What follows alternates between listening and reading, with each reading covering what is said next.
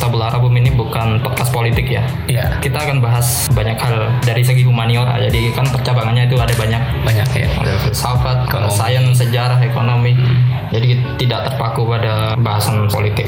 Nah di Tabula Arabum ini kita punya dua konten. Yang pertama tematik, jadi berbahasa Indonesia. Cirinya adalah timeless ya, tidak Bahasanya. terbatas pada waktu. Jadi kapan pun didengar masih relevan lah. Nah sementara konten yang berikutnya adalah konten hot issue berbahasa Inggris dan khusus untuk membicarakan masalah-masalah aktual yang sedang terjadi di kawasan. Tidak sebatas di Jazirah ya. Mungkin lebih tepatnya menap kali. Menap yang kawasan itu Middle East, North Africa, Afrika. Afghanistan, Pakistan. Negara Pakistan. Iya, itu. Saran tambahannya dulu cuma MENA doang yang ada. Iya, Kayaknya Pakistan. yang ya. paling baru Menap. Dan kita akan tegaskan bahwa posisi kami pembicara di sini, saya dan Fajar Butun bukanlah seorang pengamat analis, bukan di level sejarawan, Iya benar-benar. hanya sekedar akademisi yang passion dan punya perangkat ya. Sekalipun punya perangkat kami tidak berani untuk menegaskan kalau kita itu sudah sampai di level pengamat atau analis. Jadi ini hanya mengobrol secara akademik saja. Iya, artinya kita punya pakem-pakem akademik tapi tidak pure sebagai seorang pengamat gitu.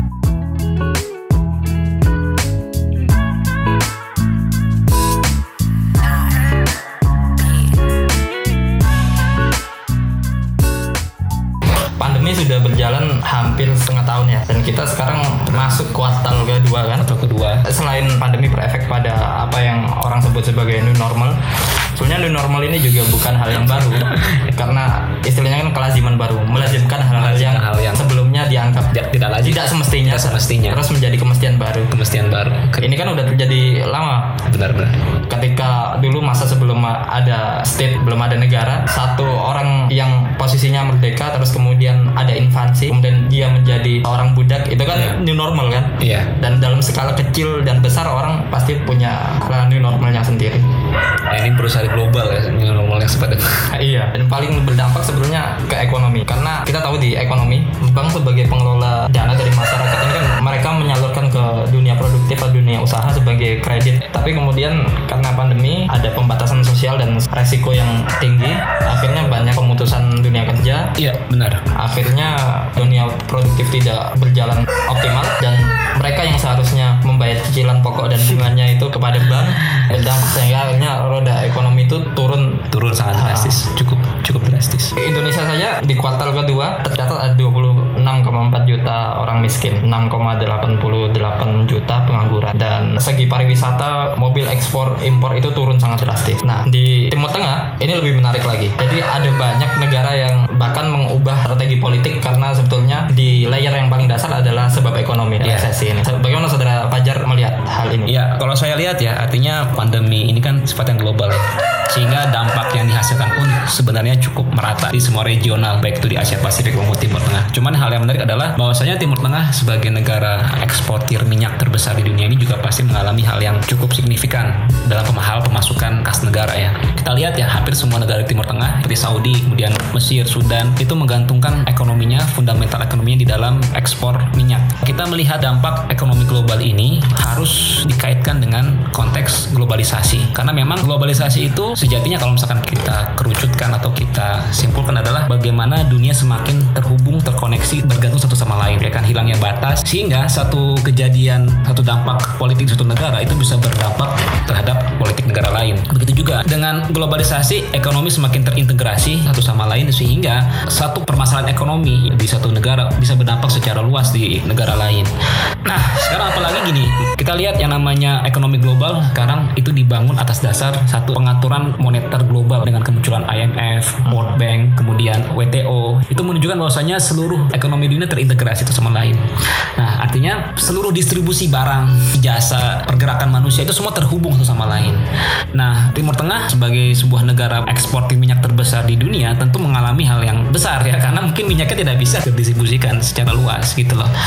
Sebelum pandemi pun ya beberapa negara di Timur Tengah itu sudah berusaha untuk merubah pola ekonominya dari yang negara pengekspor minyak menjadi negara jasa ya. Bahkan sebetulnya resesi itu sebelum pandemi sudah dirasakan gejalanya Sudah, kan? sudah karena gini, negara yang bergantung terhadap minyak itu sangat fluktuatif ya. Dan cadangan minyak pun juga sudah mulai mengering dan hilang. Artinya blok-blok minyak baru pun juga su- sudah susah untuk ditemukan. Makanya seperti Saudi Mas ya. Saudi itu mereka punya misi Saudi 2000 2030 2030 berusaha untuk me- mengkonversi struktur ekonomi Saudi yang dari basisnya minyak negara penghasil minyak menjadi negara jasa. Makanya kita pernah lihat kemarin ada tarif visa masuk ke Saudi itu di mahal ya, Iya, khusus untuk umroh. juga banyak proyek-proyek ambisius yang kemudian digarap oleh Saudi termasuk kota raksasa Naim Iya. kemudian taman hiburan terbesar Iya. di Riyadh hal ini sebenarnya agak unik karena secara cadangan devisa Saudi sedang tidak baik ya Jadi ya mungkin dia mulai ingin meniru seperti Dubai, kemudian Qatar ya, yang memang sekarang benar-benar berpangku pada sektor jasa ya. Dubai dengan penerbangannya, Emirates itu dengan maskapai penerbangan global. Artinya Saudi berusaha berpikir minyak ini tidak lagi bisa diandalkan sebagai fundamental ekonomi negara gitu loh mas. Iya, dan kalau kita catat Aramco perusahaan minyak Saudi labanya anjlok ya hampir, Anjlok. hampir 70% kuartal kedua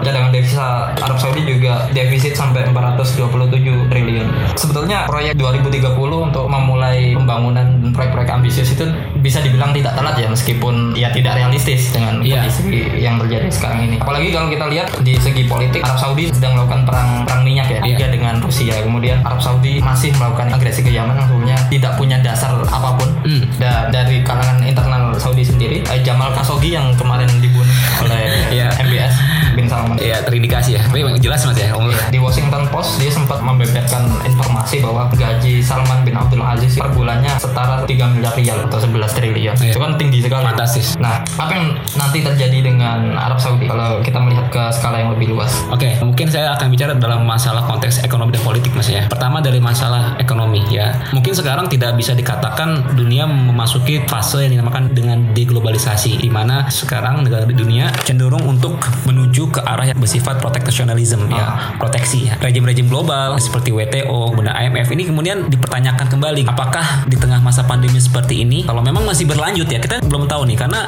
ada yang menyebutkan bahwasanya nanti ada corona gelombang kedua yang mungkin lebih akan menguras APBN negara mas. Ya kan? Kita di Indonesia terkuras. Jadi kita kemarin melihat ya tunjangan-tunjangan PNS pun hampir semua dikat dipotong semua dialihkan untuk penanganan virus corona Sek- sekalipun pencairan dana belum sampai 50% Iya, tapi sudah sangat menguras kas negara ya. Jadi globalisasi kan gini, globalisasi itu dicirikan dengan tidak terbatasnya distribusi barang, jasa, modal, dan manusia. Nah, deglobalisasi berarti apa? Terbatasnya atau menurunnya distribusi jasa, barang, uang, dan modal hampir di seluruh negara yang ada di dunia. Nah, otomatis setiap negara mereka berusaha harus mencari pemasukan baru, kas-kas baru. Apalagi negara-negara yang sebelumnya sudah mengalami defisit perdagangan. Contoh Amerika Serikat. Amerika Serikat kemarin sudah menunjukkan bagaimana negara tersebut berusaha untuk mengimbangi defisit neraca perdagangan mereka dengan Cina. Makanya Amerika keluar dari TPP, keluar dari rezim-rezim perdagangan bebas global, itu menunjukkan bahwasanya memang sekarang seluruh negara di dunia berusaha untuk mengimbangi defisit neraca perdagangan mereka. Bahkan sekelas Amerika pun melakukan hal seperti itu. Nah, apalagi di tengah pandemi seperti ini sebenarnya ada dua keuntungan, Mas. Ada negara yang mengatakan ini saatnya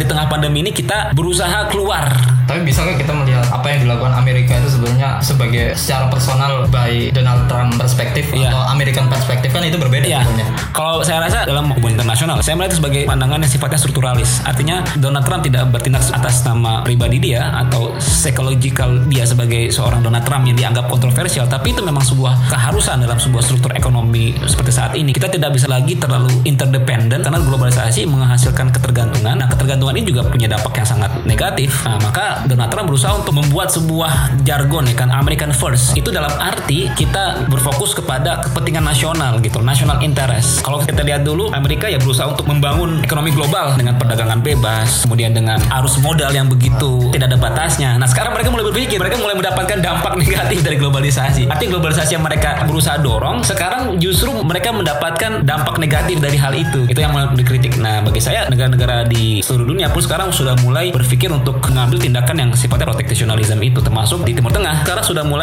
menaikkan tarif masuk biaya-biaya impor untuk beberapa barang sampai 15% kalau saya nggak salah ya. Saudi misalkan benar menaikkan tarif impor sampai 15%. Karena kenapa? Mereka nggak ada pemasukan lagi. Mereka harus mencari sumber-sumber pemasukan baru di luar minyak dan di luar wisata kan. Wisata umroh, umroh dan haji itu pemasukan terbesar bagi Saudi. Umroh itu wisata wisata atau ibadah? wisata religi mungkin bahasanya ya. Artinya kalau dalam konteks global itu pergerakan manusia lah ya. Pergerakan manusia itu kan memberikan dampak ekonomi yang begitu besar. Uni Eropa. Tapi sebelumnya dalam jangka panjang itu apakah negara-negara Arab cukup potensial untuk menggarap pemasukan dari non migas? Sama saya cukup potensial mas. Artinya Dubai, Uni Emirat Arab, Qatar, mereka negara-negara yang sekarang berusaha untuk menjadi negara jasa sudah menunjukkan hal yang positif. Sekarang kita lihat maskapai terbaik di dunia ya berada di kawasan itu. Gitu. Tapi yang saya khawatirkan apa yang digarap oleh Saudi gagal kayak Dubai awal 2000-an banyak proyek reklamasi kan. Sekarang yang sukses hanya hitungan jari, Iya. nggak sampai 2000 semuanya dan itu disebut proyek gagal kan reklamasi itu. Kemudian juga dampak dari pandemi ini di Jazirah Arab. Uni Emirat salah satu negara yang mengandalkan ekonominya karena banyak ekspat yang tinggal di sana. Iya. Bahkan mereka 80% lebih kan diikuti oleh Qatar, kemudian Kuwait dan Bahrain. Tapi setelah ada pandemi kemudian banyak pemutusan hubungan kerja, kemudian para ekspat ini yang kerja di bagian engineer dan sektor-sektor bisnis yang lain banyak ya pulang ke rumah Iya. mereka sekalipun mereka punya rumah di Uni Emirat. Iya. Tapi yang saya tangkap adalah banyak para ekspat ini balik lagi ke negara asalnya karena mereka melihat bahwa Uni Emirat never feels like their home karena orang-orang Arab di daerah itu dia menganggap bahwa orang ajam itu tetap aja second class citizen. Nah ini kan dampaknya banyak. Nah di jangka panjang apakah sebenarnya realistis kayak gitu? Ya, hanya ada dua pilihan, menjadi negara industri atau menjadi negara jasa. Hanya ada dua pilihan kan ya. Cina sekarang bisa menjadi maju seperti karena mereka berusaha untuk menggerakkan industrialisasi secara optimal kan, meskipun dengan their own path, dengan cara mereka gitu loh. Artinya mereka berusaha keluar dari negara yang sifatnya pertanian ya, menuju negara yang industri. Nah, negara Timur Tengah hanya ada dua pilihan, apakah mereka ingin menjadi negara industri atau menjadi negara jasa dan lebih kepada struktur masyarakatnya. Apakah masyarakat Arab itu sudah siap memasuki era industrialisasi? Karena dibutuhkan yang namanya komitmen, kemudian kedisiplinan. Gini, Cina kenapa mereka bisa menjadi negara produsen terbesar? Karena didukung oleh struktur masyarakat juga. Kita lihat ya, produksi HP di Cina itu nggak dilakukan dalam skala besar, dalam skala rumah loh. Dan orang Artinya- Cina juga nggak rasis. Saya pernah tiga pekan di Henan, nggak mengalami gitu hal-hal yang oh ini orang rasis semua. Jadi yang namanya menjadi negara industri tidak hanya didukung oleh modal tapi juga struktur dan sosiokultural masyarakatnya gitu loh. Saudi sebagai negara terbesar dalam kekuatan militer ya Mas ya di Timur Tengah itu tidak dapat mengkonversi kekuatan militer mereka menjadi sebuah deterrent atau kekuatan daya gentar yang cukup bagus di Timur Tengah. Kenapa? Karena tidak didukung oleh profesionalitas tentaranya gitu loh. Contoh mereka punya pesawat misalkan F-16 yang cukup mumpuni tapi tidak didukung oleh pilot yang handal. Nah, artinya apa? Ada unsur SDM di situ yang penting untuk bisa mengkonversi teknologi ataupun apa pun itu untuk menjadi sebuah kekuatan baru. Saudi boleh bisa menjadi negara industri. Mereka punya modal. Tapi pertanyaannya adalah apakah struktur masyarakatnya siap untuk masuk menjadi sebuah negara industri? Itu pertanyaannya. Ya paling ya jasa, Mas. Jasa yang paling mungkin kan karena tidak terlalu membutuhkan yang sifatnya high tech ya, high tech implementation. Bagaimana dengan Iran? Ah, Iran beda lagi. Mereka kan Ya. teknologi rudal. Hmm. Sekarang mereka bisa dibilang mampu untuk produksi teknologi itu sendiri. Nah, dalam konteks sumber daya manusia, saya pernah baca, baca penelitian. Struktur masyarakat dan negara Timur Tengah yang cukup siap untuk memasuki negara industri adalah Iran dan Oman. Oman, meskipun mereka memiliki budget pertahanan yang cukup rendah dibandingkan negara-negara lain, tapi mereka memiliki struktur sumber daya manusia yang cukup bagus. Mereka bisa mengkonversi minimnya budget itu menjadi sebuah kekuatan yang cukup penting di dalam pertahanan militer. Nah, Iran juga seperti itu. Mereka punya struktur masyarakat yang mereka sudah menekan merit system, Mas.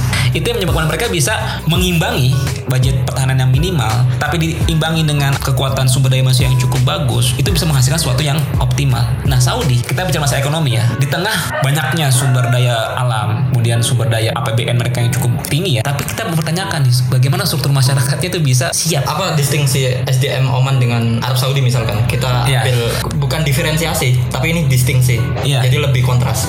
Oke, masalah profesionalisme di bidang pertahanan ya, yang namanya militer Oman terlatih karena mereka punya latihan reguler, latihan militer yang reguler. Sedangkan di Saudi itu, ini hasil fakta mas ya, pilot-pilot Saudi itu sebenarnya hanya nama mas.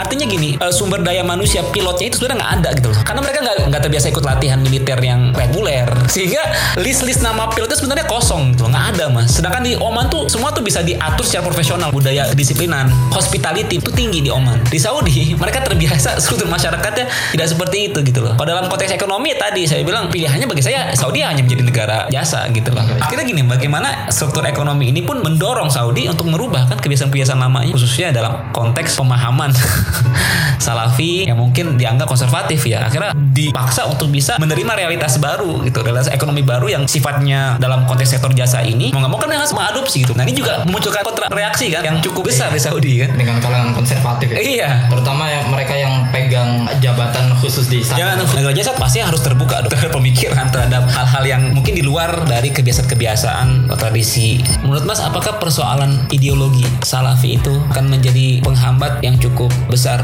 bagi terciptanya iklim investasi? Kan MBS Iya, betul, untuk betul. Eh, gimana menurut Mas? saya nggak mau komentar lebih jauh ya. Iya. Saya cuma ngutip Salman aja, Muhammad bin Salman dia bilang kalau Salafi itu salah satu sebab kenapa Arab Saudi stagnan dalam posisi yang beberapa dekade. Gitu ya, ngomong gitu langsung ya. Kita bisa ambil distingsi lagi lah. Iya. Uni Emirat dengan Saudi. Uni Emirat dia bisa pesat segitu karena pengaruh Salafi dalam kekuasaan itu sedikit. sedikit ya. Makanya kita bicara masalah ekonomi, bagaimana negara-negara Timur Tengah berusaha merestrukturisasi ekonomi, tapi ternyata juga terhambat oleh faktor-faktor non ekonomi gitu loh. Tapi yang pasti yang nggak bakal berubah kayaknya dari sektor minyak. Minyak. Karena Arab Saudi sendiri dengan Amerika punya janji ya tahun 45 antara Roosevelt dengan Raja Abdul Aziz tentang perjanjian timbal balik keamanan. Jadi Amerika memberikan jaminan keamanan ke struktur kerajaan sementara sebagai timbal baliknya Arab Saudi menjamin ketersediaan pengiriman minyak ke Amerika sampai kapan pun. Nah, tapi kalau memang ini di- dipertanyakan mah dengan kayak kemarin ya, misalkan kita tahu ya kan Cina muncul sebagai kekuatan global. Sempat ada narasi ASEAN pivot kan. Jadi Amerika merubah fokusnya dari Timur Tengah menuju ke Asia Pasifik. Karena Asia Pasifik ini dianggap lebih berbahaya gitu loh. Di Saudi yang saya baca kemarin itu para elitnya mulai mempertanyakan komitmen Amerika di Timur Tengah, khususnya dalam menghadapi Iran. Itu sifatnya dinamis Mas ya.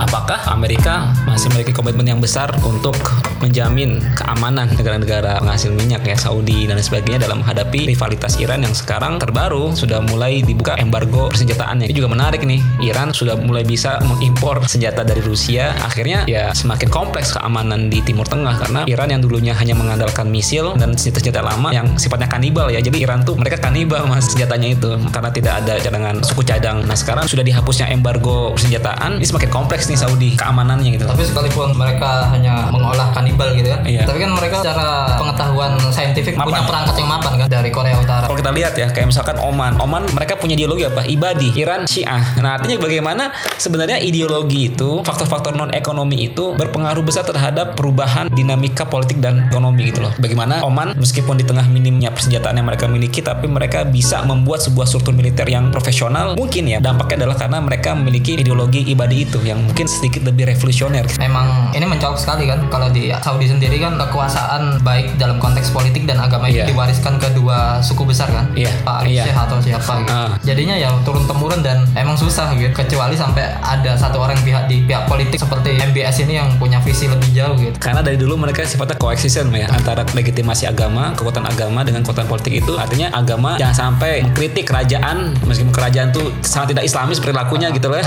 Tapi di tengah MBS ini, MBS sudah mulai masuk berusaha untuk mengkooptasi. Masa depan Amerika bagaimana ente melihat di janji Amerika ke Arab Saudi? Kalau saya bicara dalam masalah konteks modernisasi senjata ya, sejauh mana Amerika Serikat berkomitmen untuk mensuplai senjata-senjata terbaru termuktahir ke Timur Tengah. Pembacaan komitmen keamanan AS di Timur Tengah adalah seberapa besar mereka mau menjual senjata-senjata mereka ke Timur Tengah. Contoh misalnya seperti ini. Sekarang Uni Emirat Arab mereka mulai berdamai dengan Israel, tapi Israel tidak menyetujui Amerika untuk menjual F-35-nya ke Uni Emirat Arab. Bayangkan. Makanya banyak yang bilang, apa sih untungnya Uni Emirat Arab berdamai dengan Israel, sedangkan mereka pun nggak bisa dapat F-35. Artinya komitmen keamanan itu dibaca dalam pengertian sejauh mana Amerika mau mensulai senjata-senjata yang sifatnya muktahir ke Timur Tengah. Makanya sekarang dibilang kan Uni Emirat Arab itu dapat pepesan kosong aja gitu. bisa kita lihat apa yang dilakukan Uni Emirat bisa dilihat dalam kacamata resesi karena setelah mereka menjalin hubungan bilateral dengan Israel Uni Emirat dapat bonus jadi kayak alat tes COVID yang dalam hitungan di bawah satu menit bisa keluar hasilnya ya. Keluar hasilnya. Hmm, Mungkin ya normalisasi ini kan bertujuan untuk mendatangkan benefit ekonomi dan keamanan. Mungkin dalam konteks ekonomi mereka mendapatkan hasil dari normalisasi itu, tapi dalam faktor keamanan saya rasa mereka rugi saya karena mereka nggak dapat F35 mas dari Amerika Serikat gitu. Iya, belum lagi mereka dibenci sama banyak negara muslim Iya, artinya se- sejauh mana dampak ekonomi itu bisa melampaui benefit-benefit lain di luar ekonomi. Saya rasa kalau misalkan misalkan Uni Emirat Arab nggak dapat F35 rugi sih mas. Bahkan dalam catatan saya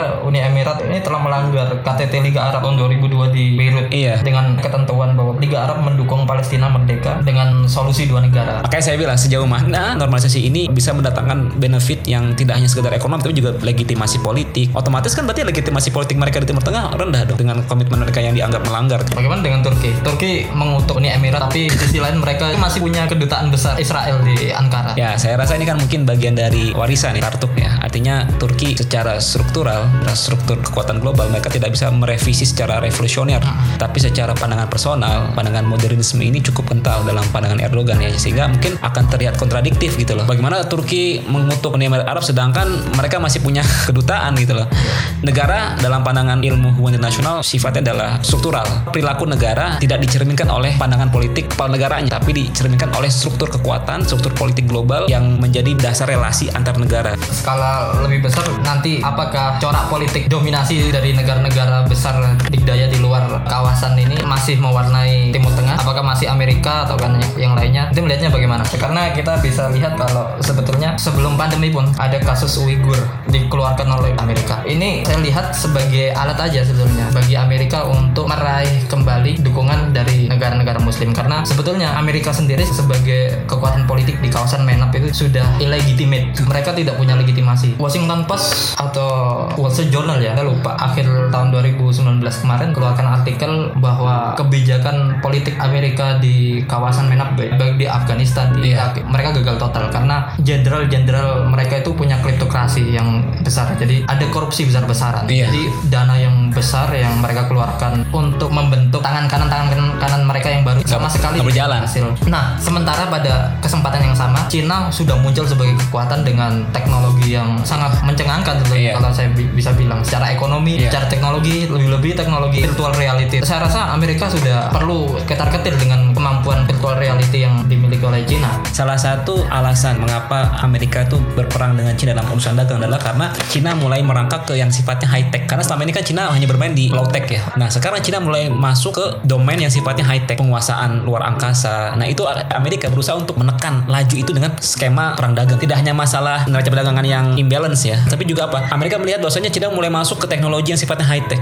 Cina dituduh oleh Amerika membiayai perusahaan-perusahaan besar di Cina untuk melakukan riset-riset antariksa. Dan termasuk kemudian untuk menggagalkan laju itu Amerika mengeluarkan narasi besar bahwa orang-orang Cina ini mencuri hak paten Ya, di jadi sisi akademik. ada sebuah analisa yang bilang perang dagang ini sebenarnya hanya topeng bagi Amerika untuk menekan laju perkembangan teknologi Cina yang sudah mulai merengsek masuk ke high tech robotik yang itu sudah berbahaya sebenarnya. dan canggih sekali bahkan orang jalan aja bisa dideteksi pakaiannya apa jamnya apa keluaran tahun berapa Iya. itu kan sangat Menakutkan. rinci sekali luar biasa tapi saya sih nggak terlalu takut dengan itu ya kembali lagi sebetulnya kenapa Uighur ditarik karena pengaruh Amerika itu sudah menurun dan posisi Iran naik kemudian Cina mulai masuk ke kawasan Rusia sudah mulai masuk ke kawasan. Rusia masuk. Nah, Uighur ini ditarik terutama ketika kemarin ada yang di Malaysia itu acara apa yang negara-negara muslim? Oki atau apa tuh? Oh ya, ya, ya. itu kan bisa kita lihat ada 37 surat yang mendukung Uighur bahwa itu adalah pelanggaran hak asasi manusia dan negara yang mendukung sudah pasti di situ patron daripada Amerika sementara banyak negara muslim yang besar netral terhadap masalah Uighur kita lihat ada Indonesia ada Malaysia nah ini kita bisa lihat juga pada masa sebelum Covid ketika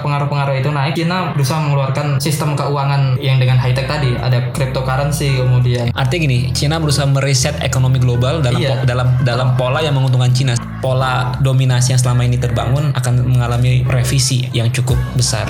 Polanya akan berubah secara revolusioner dengan kemunculan aktor-aktor baru. Bahkan misalkan di Lebanon dibangun portnya pelabuhannya sudah mulai dibangun kembali. Ini kemungkinan besar Cina akan invest besar-besaran mas di situ. Itu kan merubah lagi struktur geopolitiknya. Jadi Amerika perlu merevisi kembali pola-pola lamanya. jadi apa yang bisa disimpulkan dari pembahasan kali ini Artinya pandemi ini memberikan dampak yang begitu besar terhadap ekonomi global ya dengan struktur globalisasi di mana arus barang, jasa, manusia tidak memiliki batas sehingga pandemi ini membuat negara-negara menjadi sedikit lebih dependent dan lebih uh, proteksionisme. Tapi catatannya adalah negara tidak semudah itu untuk melakukan itu. Khususnya di Timur Tengah mereka terbatasi oleh struktur politiknya yang monarki yang tidak bisa terlalu progresif, terbatasi oleh oleh struktur masyarakat. Artinya struktur ekonomi mereka tidak bisa berubah secara drastis karena terhalang oleh faktor-faktor non ekonomi gitu. Terus bisa kan kita lihat dari sisi terburuk dari pandemi ini resesi global ya? Di kawasan terutama kalau kita lihat invasi ya Saudi ke Yaman Iya. ini kan bahkan sekelas PBB aja nggak bisa berbuat banyak. Jadi sepertinya kekuatan-kekuatan yang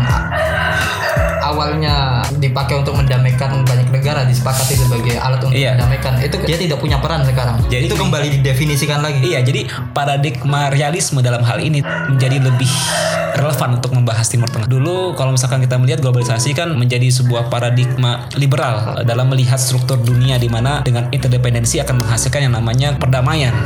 Ternyata dengan hancurnya ekonomi, terputusnya perdagangan, melemahnya kekuatan ekonomi global, dunia akan semakin lebih dependen dan paradigma realis keamanan negara, keamanan nasional, kepentingan negara itu menjadi lebih dominan dalam melihat hubungan antar negara. dan khawatirnya juga potensi perang besar Iya. dan kita tidak bisa bilang ini perang antar negara-negara ya bahkan komunitas-komunitas bersenjata dia bisa Di situlah. bikin satu komunitas untuk mendefinisikan negara baru gitu Artinya ketika kita bicara masalah hubungan internasional kita tidak bisa lagi fokus hanya terhadap negara tapi juga terhadap aktor-aktor non negara yang semakin mempunyai legitimasi politik di masyarakat di kawasan Timur Tengah gitu. Kayak Jabhat Nusra dan lain sebagainya. Jadi semakin kompleks. itu sisi terburuknya sih. Kita tidak tahu apakah nanti masih ada negara-negara lama yang kita pahami ini atau kemudian ada perang besar kita tidak tahu ya. Ya sekian saja untuk podcast kali ini. Terima kasih Mas Wajar Ya, sama-sama. diberikan. Kita akan kembali pada podcast berikutnya dengan tema-tema yang lebih menarik dan tidak terpaku pada tema politik. Oke, siap.